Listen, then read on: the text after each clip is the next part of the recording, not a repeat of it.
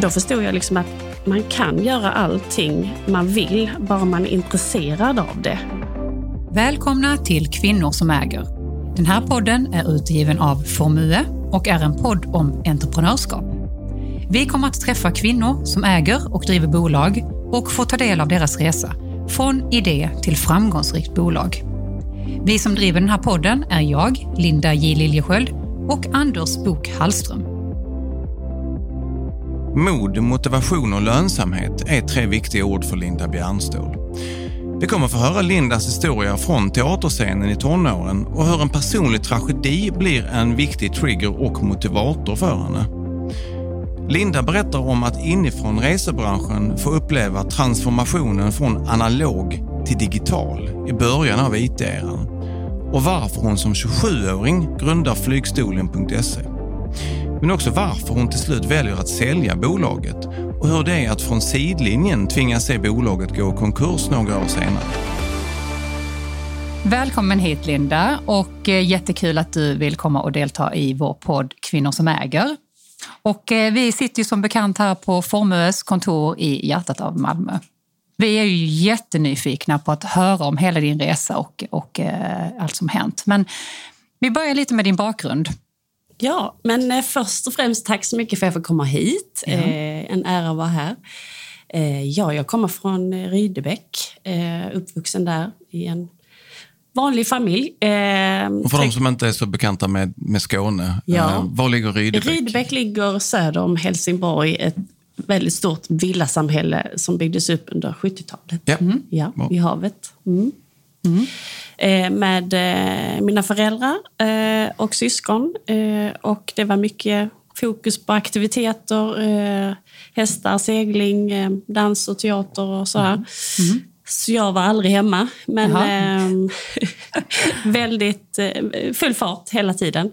Men hur, hur vad gjorde dina föräldrar? Kommer du från en entreprenörsbakgrund? Eller vad, vad ja, alltså min mamma är sjuksköterska. Eh, hon är pensionär idag men jobbar fortfarande.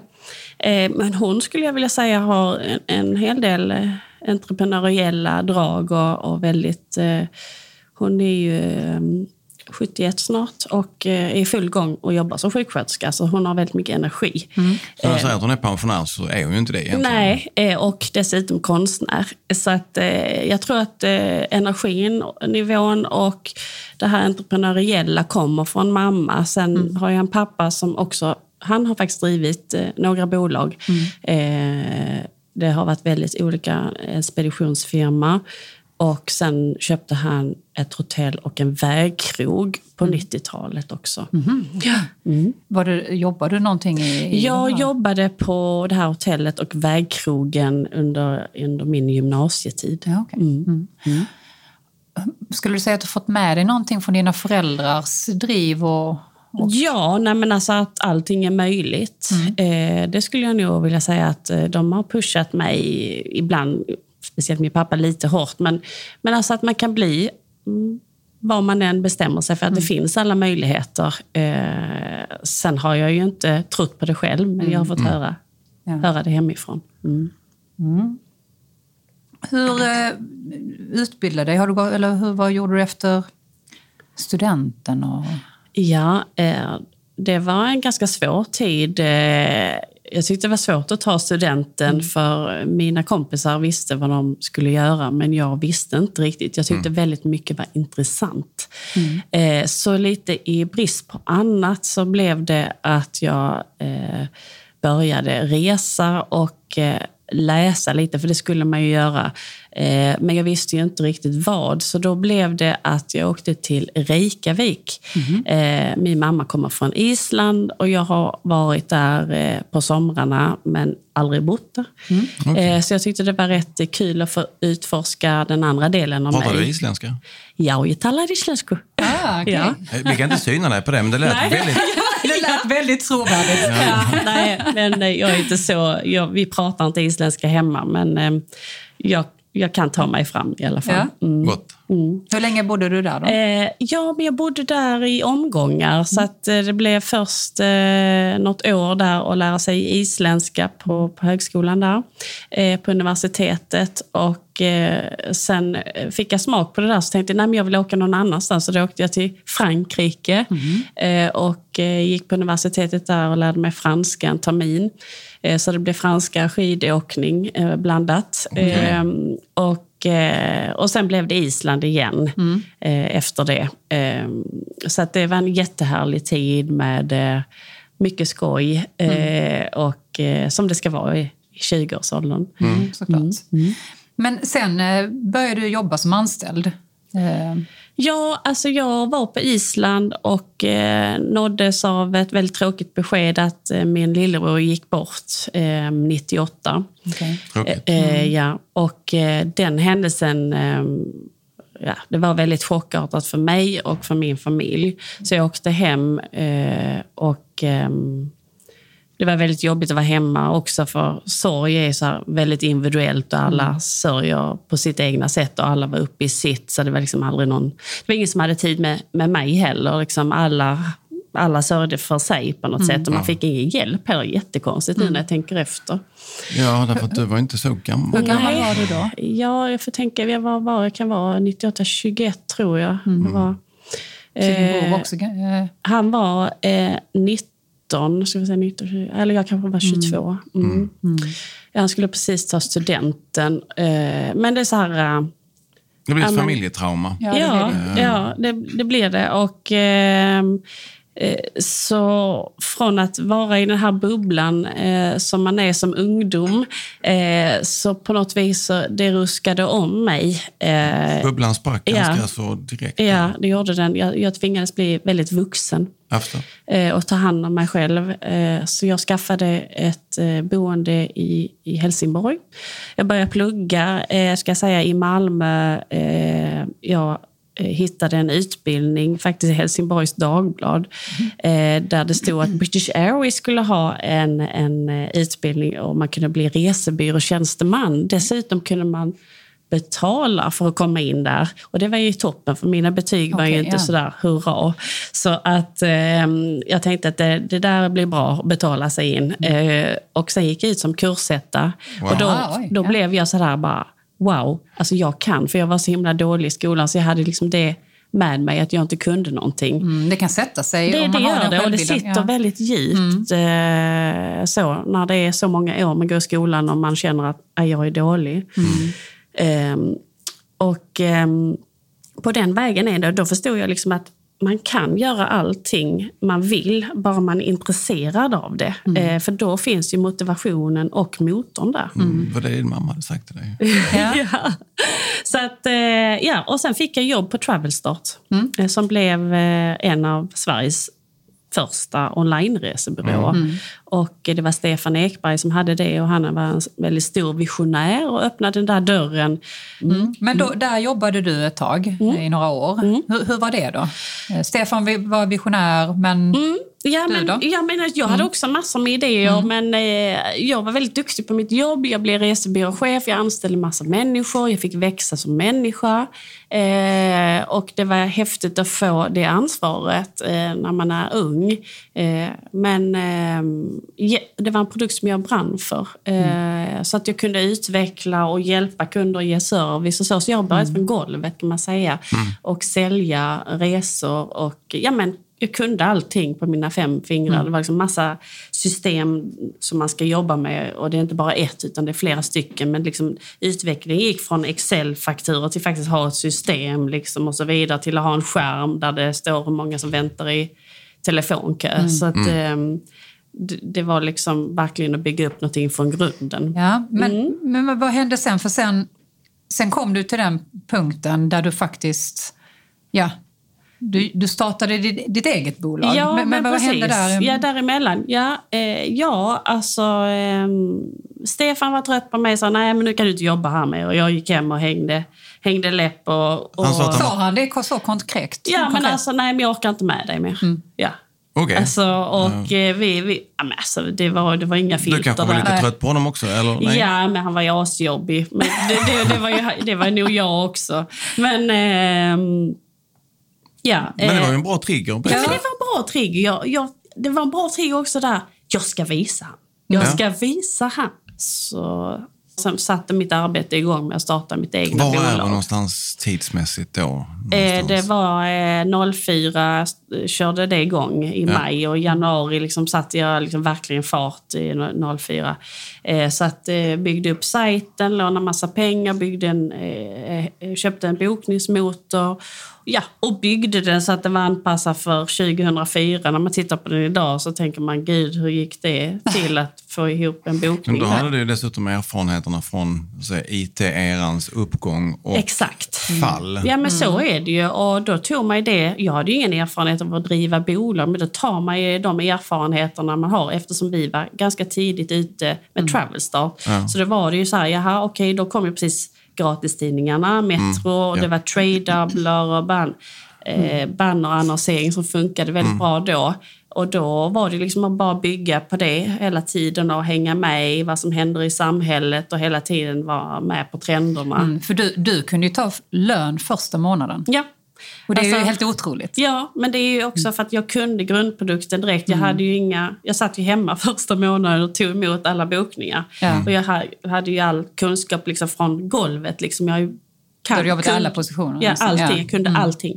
Alltså Eh. IT, IT-utvecklingen har inneburit liksom väldigt många skiften i väldigt många branscher. Men jag tycker att det är kanske extra tydligt just i resebranschen någonstans. Jag är ju så pass gammal så att jag kommer ihåg när man gick in till en resebyrå Ja. och satt där och, och, och eh, tittade på någon som tittade in i en skärm och knappade på en dator. Och sen fick man lite olika förslag och sen så la man upp en rutt för hur man skulle kunna, och sen fick man hem fysiska biljetter. Och från det som man nu gör och det du har varit en del av utvecklingen och drivit på den. Alltså jag tycker det syns så ohyggligt tydligt i det. Dels att inte det, det, var ju, det är ingen fysisk produkt, det är en tjänst. Exakt. Eh, och det, man tar ett system som- är, har varit väldigt analogt, kommer från 60-talet och använder den datan och gör någonting liksom väldigt bra av det. Men det var ju en utmaning med tanke på hur mycket sökningar som gjordes och, och de skulle hålla och serverhallar och hur många sökningar man fick göra innan man var tvungen att leverera en bokning och sådär. Så det var liksom hela tiden en balans i, Ja. i det här. Eh, Men det var jättespännande att få vara med och driva det här framåt. Men jag kommer ihåg när vi började, liksom, de skrattade ju åt oss alltså, när vi försökte få avtal och sådär. Eh, men Vem så- var det som skrattade? Nej men läsa flygbolagen var Ja, ju inte så där som- imponerade av, Nej. av den typen av bolag som vi var. Eh, Vi, vi var ju inte ensamma, vi var några stycken men vi blev inte riktigt tagna på allvar förrän man levererade volym. Då var de ju tvungna faktiskt att Ja. säga, "Ah, men gud, vem är det här? Men, men och bara backa tillbaka lite till finansieringen. Hur, hur löste du med det? För men de här alltså, systemen kostar väl någonting? Ja, det var väl den investeringen jag gjorde. Den kostade en halv miljon. Eh, och jag lånade mm, pengar på mina föräldrars hus helt enkelt. Jag, jag gjorde ett, eh, ett eh, banklån. Eh, och det kunde jag inte få utan att sätta mina föräldrars hus alltså, som säkerhet. Det är ändå ganska... Ja, men det var väldigt generöst. Generöst av ja, föräldrar, ja. ja. Mm. men lånet stod på mig. Men Ja. jag sov gott och verkade inte ha... Alltså jag tror att det här med att vara lite... Men jag var ändå ganska ung när jag Ja. startade, 27 år. Och då tror man liksom att man är on top of the world. Men det är väldigt bra. Ja, man ska nog starta alltså, när man det är i den så åldern. bra. För att man är naiv och man har modet och man har driven och man tänker inte på vad som kan gå fel. Nej. Utan det är bara framåt som gäller. Idag vet jag mycket mer vad som kan hända, så jag är mer feg idag. Ja. Eh, Men alltså det, det var liksom... eh, Det fanns bara en väg och det var framåt. Så det lånet var ju betalt eh, efter första året. Det är också otroligt. Ja, för nu, du nådde en omsättning på 35 miljoner Ja, första på året. första året. Ja, ja. Och det ska jag säga, alltså, nu ska jag inte liksom, trycka ner mig själv, men ändå, alltså rese, resor kan man ju få en ganska hög snittorder på. Eh, så i slutet så låg vår snittorder på ungefär 7000. Men det, låg, det var inte 7000 då. Eh, men alltså, det, det, det, det, det är liksom en transaktionsfabrik kan man Ja. säga där man hela tiden jobbar med volymen. Eh, Men där är inte, då var det ganska bra marginal på, på resorna 2004. Sen blev det ju bara mindre och mindre och mindre. Det, det Ja, måste ju ha varit en, en enorm prispress Ja. som startade där Ja. någonstans. Men Ja. låg det i, i er förväntansbild att ni skulle ligga på den snittordern eller vad, vad räknade ni med att ni skulle ligga?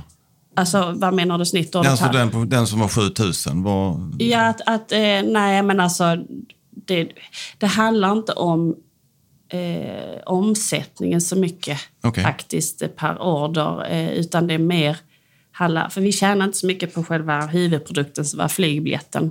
Nähä. Nej. Vad var det ni tjänade på? Eh, ja, alltså du skulle tro det där, men alltså i slutet då så då prissätter man ju biljetterna negativt. Och vad tjänar man pengar på då? Ja, men då- Ursäkta min väldigt Ja. na- naiva fråga. Men jag är lite gammal. Det här är ju då, alltså, vi fick ju bygga enorma system med massa data. Eh, och där man tar in liksom, ja man har, då har man kanske något avtal med något flygbolag. Så kanske man, om man når en viss uppsättning så, så trillar det ut någon kanske form av incitament Okej. eh, för den försäljningen. Eh, så då kan man ju ligga på negativa eh, påslag. Men då kan det också vara så att man också tackar nej till alla affärer. Till exempel ehm, Eh, jag menar alltså om man, om man, till exempel när, när det här med Momondo kom och flygresor och de här jämförelsesajterna började utvecklas. För att kunna få kunder måste du ju ligga alltså, Högt, på topp tre. Mm. Liksom. Ja. Eh, och då måste du ju negativt prissätta dig eh, för att eh, kunna få det klicket. Men då kan det ju vara så liksom att man kanske inte vill ha alla typer av kunder för vissa är bara en förlustaffär. Eh, som one-to-one till, Lo- eh, till London är liksom ett segment liksom, per sträcka. Eh, så att det är en förlustaffär för att man fick liksom räkna med man får ta en bokning och så får man räkna på vad, vad är det som ger intäkter i den här bokningen. Så tar man in allt det. Vad är det som kostar pengar? Då tar man in allt det. Och det är jättemånga parametrar. Allt ifrån hur kunden har betalat, eh, vilket flygbolag det är, om det är ett avbeställningsskydd eller inte. Eh, har du någon seating? Har du ehm, Bagage. eh, bagage? Så om man inte tar Eh, med seating, bagage alltså, så vill man kanske inte ha den bokningen? Ja, eller? vilket system är det bokat i? Allt det här. Går, alltså det, det är säkert 25 parametrar per bokning. Och det i slutändan, vi byggde ett system så vi kunde se ifall det här var en positiv bokning eller en negativ. Alltså vi kunde se vad vi tjänade i realtid. Det var ju nyckeln till att ni... Det var nyckeln till oss, vår framgång. För att det är så svårt att tjäna pengar på flygbokningar idag. Alltså nu är det ännu mycket, mycket värre än, vad- än vad det var för Jag oss. förstår inte riktigt hur de här sajterna tjänar pengar. Men alltså, vi låg under, vi låg under 1 procent, alltså 0,7 ungefär, när allting var betalt och klart. Jo. Så det är liksom... Det är, det, Det är rätt tajt. det är rätt Det är det tajt. och det är, alltså, när man snurrar miljarder som vi gjorde så gäller det att verkligen eh, hålla koll på skruvarna. Eh, Mm. så att man, sk- för att nu var det ju, vi gjorde ju det manuellt. eh, det fanns inga robotar då. Det kom när jag höll på att sälja kom robotar. Eh, men eh, du vet, gjorde du fel kunde du liksom så här minus 150 000 Oj. den dagen. Men om ni såg en sån här negativ affär, det var då det liksom blev tekniska problem? Ja, så det kan det att ju bli igenom. om det är alldeles för mycket. Alltså om man säger att det ligger på minus 1000 spänn och den biljetten kostar 1500. Alltså, nej, det är inte aktuellt att man tar hem det. Men det händer, det händer aldrig. Om man får det så handlar det mest om att cashen, alltså att man, man jobbar med en cache, man, man samlar data och den är kanske max 24 timmar eh, gammal. Och då kan det bli så att den har blivit förändrad, att det har blivit Okej. någon bokning och då, då kanske det inte finns några platser kvar och då kanske den gick på den cashen. Då. Ja, ja. All right. Mm. Men det är sådana grejer som, som du nämnde avbeställningsskydd. Eh, jag tänker på alla de här grejerna som man blir, när man då bokar på nätet nu så blir man ju erbjuden allt från hyrbil till hotell Mm. eh, till eh, att man ska få sitta var man vill till Mm. att man ska få med sig extra bagage och så då alla de här försäkringarna med avbeställningsskydd. Mm. eh, och så vidare. Är det, det där marginalerna ligger idag? Eller? Ja, alltså, ja, som resebyrå skulle jag säga att, Mm. att det är det. eh, De resebyråerna som finns kvar på nätet. Ehm, Men även flygbolagen jobbar ju så liksom att för mig är det ju en självklarhet att eh, bagage ska vara med, men de behöver också tjäna pengar. Ja, men jag förstår det. Ja. Eh, Så att de, eh, de särskiljer allting just nu. Så att, från att allting var all inclusive till att liksom, du ska betala för måltider, seating och, Ja, men och nu vet man ju det när man gör en sökning och ska Ja. åka till exempel eh, från Malmö till London Mm. eh, eller Köpenhamn, London. Då vet man att okej, det priset som man ser vid den första sökningen, det är inte det det kommer att kosta. Mm. Nej. Men nu vet man ju det. Ja. Så nu sitter man ju inte och, Ja. och baxnar över att men vad tusan ska jag betala för bagage? Ja. Nej, man fattar det. Ja, nej, så det var ju, det var ju liksom hela tiden en kamp att, eh, att, få med, eh, att få de bästa priserna, men också att kunna leverera när det väl är dags. Ja. Eh, och är det kris så, så måste man också leverera. Är det ett eh, askmoln så måste du ta hand om dina kunder, annars blir det aldrig återkommande. Blev du extra besviken på askmolnet för att du kom från Island? Ja, jag Kände du dig liksom förrådd nästan? Nej, men alltså, alltså... Jag ska säga så, kommer man från resebranschen då är man väldigt duktig krishanterare. För det är alltid en kris någonstans i världen. Men du drev ju upp det här bolaget till att som mest var det väl 1,8 miljarder i Ja, omsättning. ja. Och det är ju helt fantastiskt och det gjorde det gjorde det på 12 år. Vi började i Sverige med, under varumärket Flygstolen eh, och sen eh, gick vi in i, eh, i Skandinavien, Norge och Danmark eh, med, med lika... Alltså det var väldigt stor framgång där också. Då valde vi att inte slå på med, med stora marketingbudgetar och så, utan vi valde att sälja via andra. Det vill säga, vi valde en strategi där vi gick rakt in på jämförelsesajter, för där skulle vi få volym direkt. Och då skapade vi ett nytt varumärke som he, he, heter Trip Monster. Eh, och ehm, då hade vi det eh, internationellt kan man säga. Så att eh, vi gick in i Momondo och då kom vi in i, i Danmark. Eh, och sen eh, i, i Norge så är det Finn som gäller finn.no. Okej, ja. Och de levererar ju, alltså vi gjorde väldigt bra ifrån oss där så att eh, det blev, eh, det blev väldigt bra. Jobbar ni fortsatt då också med affiliate-program och så, som Trade Doubler eller Alltså, andra? det, det, nej, jo, vi har alltid legat med där, men det liksom tappar ju sina glansdagar, eller vad man ska säga. Men det, det blev ju mindre och mindre. Man, vi anpassar ju hela tiden vad som... Under 2007 blev ju Facebook liksom väldigt stort och växte, så vi var ju med i det här sociala medier-drevet. Eh, och vårt företag lyckas ändå bygga upp en community på nästan 70 000 på Facebook. Och då, då blev det ju en väldigt viktig kanal för oss. Plus att vi var väldigt tillåtande. Alltså det finns ju inget facit hur man bygger upp den här typen av Nej. verksamhet. Utan det är liksom lite, jaha nu blev det fel här, men då ändrar vi liksom och så. Så att det, man har målet här framme, men vägen dit kan ju vara eh, lite brokig, men det gör inget. Man lär sig så mycket på vägen och vi hade liksom väldigt hög... Alltså, eh, jag måste säga att min personal var extremt duktiga. Liksom, det är learning by doing eh, hela tiden. De fick fria tyglar i, i, hur- hur- på varje avdelning kan man säga. Så att, eh, ja, eh, väldigt hög nivå på, på alla som jobbade där. Vad var det som gjorde att du till slut 2016 då bestämde dig för att sälja bolaget? Ja, men alltså när, när man växer ett bolag som är 500 miljoner och så, alltså det är såna enorma liksom, kliv man måste ta. Såna insatser man måste göra. Och jag kände liksom att ja, mm, nästa grej är då Tyskland eller nå- något annat större land. Och jag kände liksom att jag orkar. Alltså det var liksom ett, jag orkar inte ta det klivet längre. Jag var trött. Jag var jättetrött. Eh, och jag, jag hade varit på semester och jag kunde inte vila bort och jag tyckte inte det var lika roligt längre. Plus att vinden i seglen, om jag nu uttrycker det så, det blåste inte lika hårt. Jag kände det väldigt tydligt.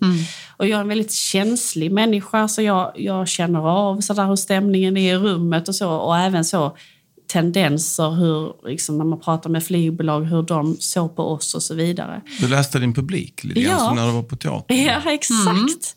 Eh, och, eh, då, eh, och då kände jag liksom att ja, men bolaget gick väldigt bra.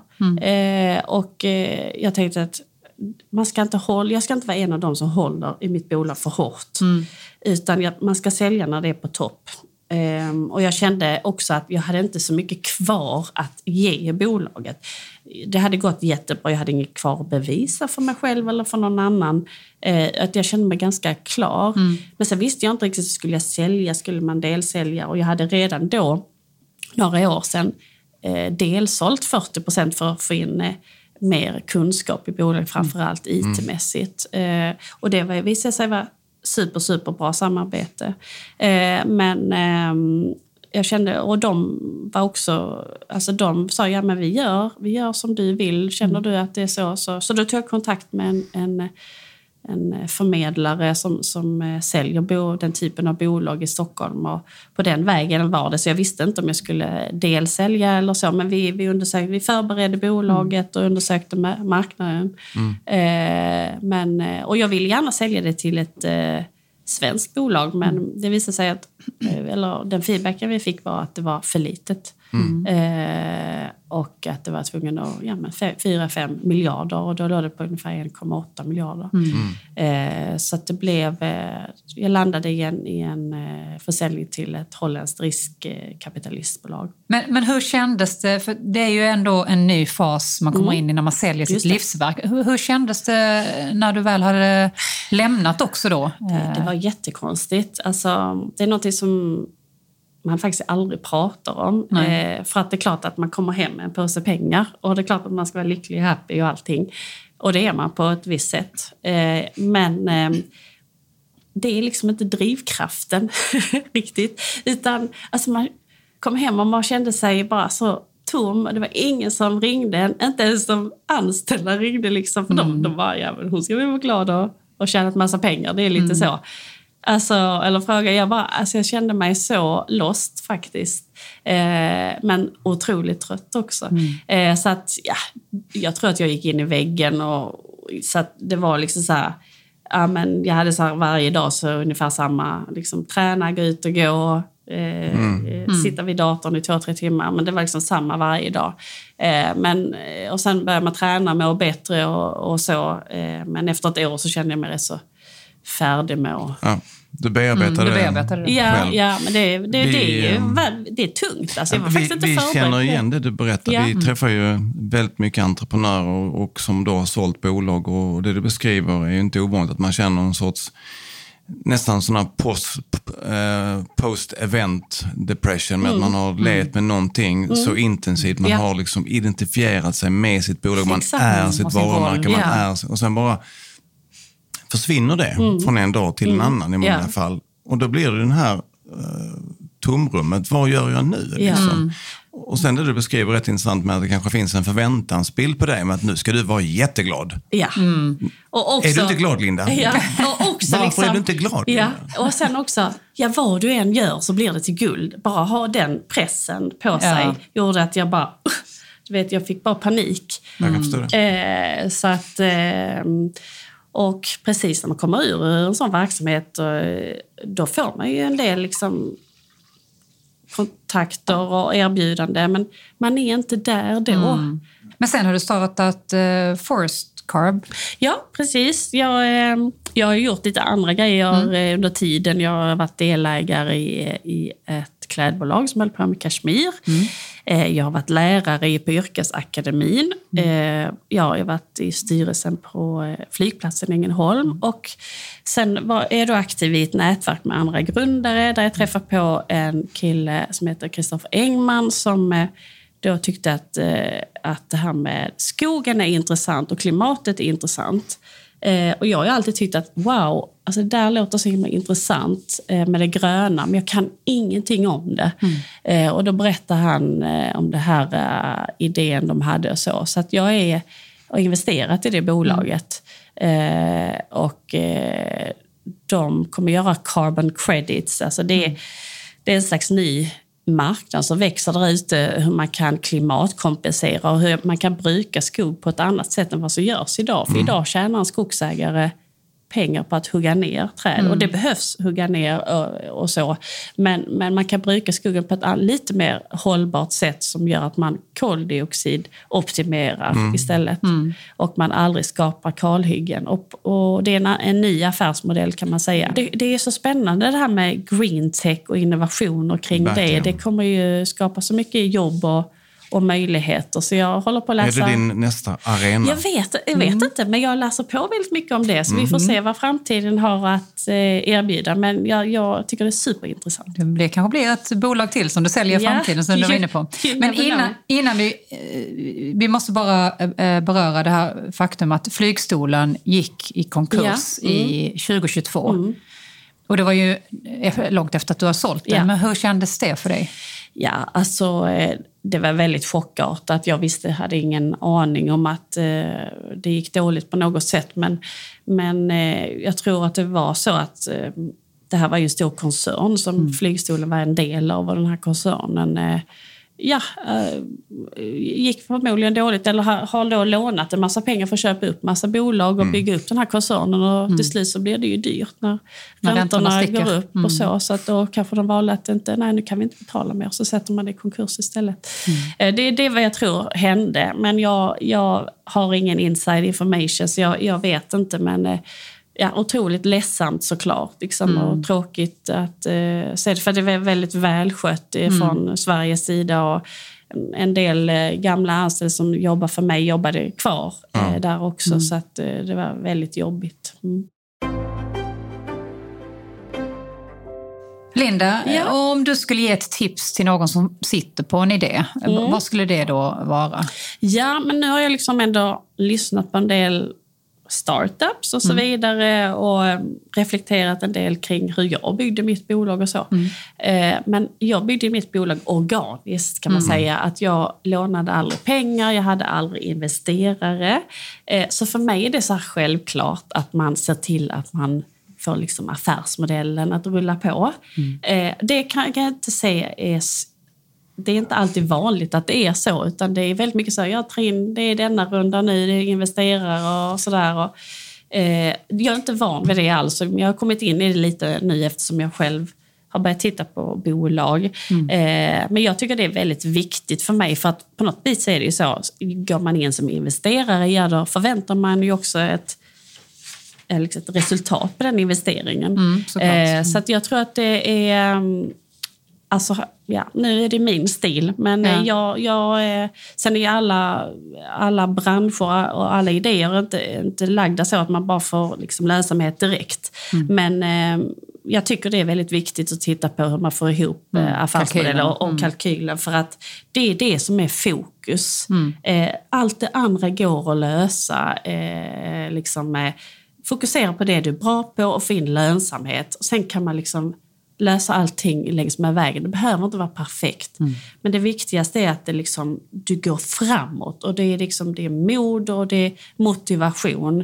Eh, som, som är liksom eh, motor framåt eh, till att göra affärer eller vad det nu kan vara eh, man håller på med. Men eh, jag tror att det är väldigt viktigt. Det är viktigt för mig som investerare eh, att se att liksom, modellen går runt. Eh, för det, det är mycket snack, snack om eh, startups och, och, och massa runder, investerarrunder och så. Men jag går inte igång på det Nej. riktigt. Nej, Alltså. Eh, Man måste visa eh, att, eh, att eh, du har tänkt igenom hur du ska tjäna pengar. För innovationer finns det gott om. Alltså fantastiska innovationer. Men vem ska betala för det? Det, är det, som är, det är viktigt att tänka igenom alla delar här. Eh, Då sa vi mod, motivation och lönsamhet tar vi med oss. Ja, det är Eh, tre bra ja. ord. Mm. Du, Linda, tack så jättemycket för att du ville delta i vår podd Kvinnor som äger. Tack snälla. Mm.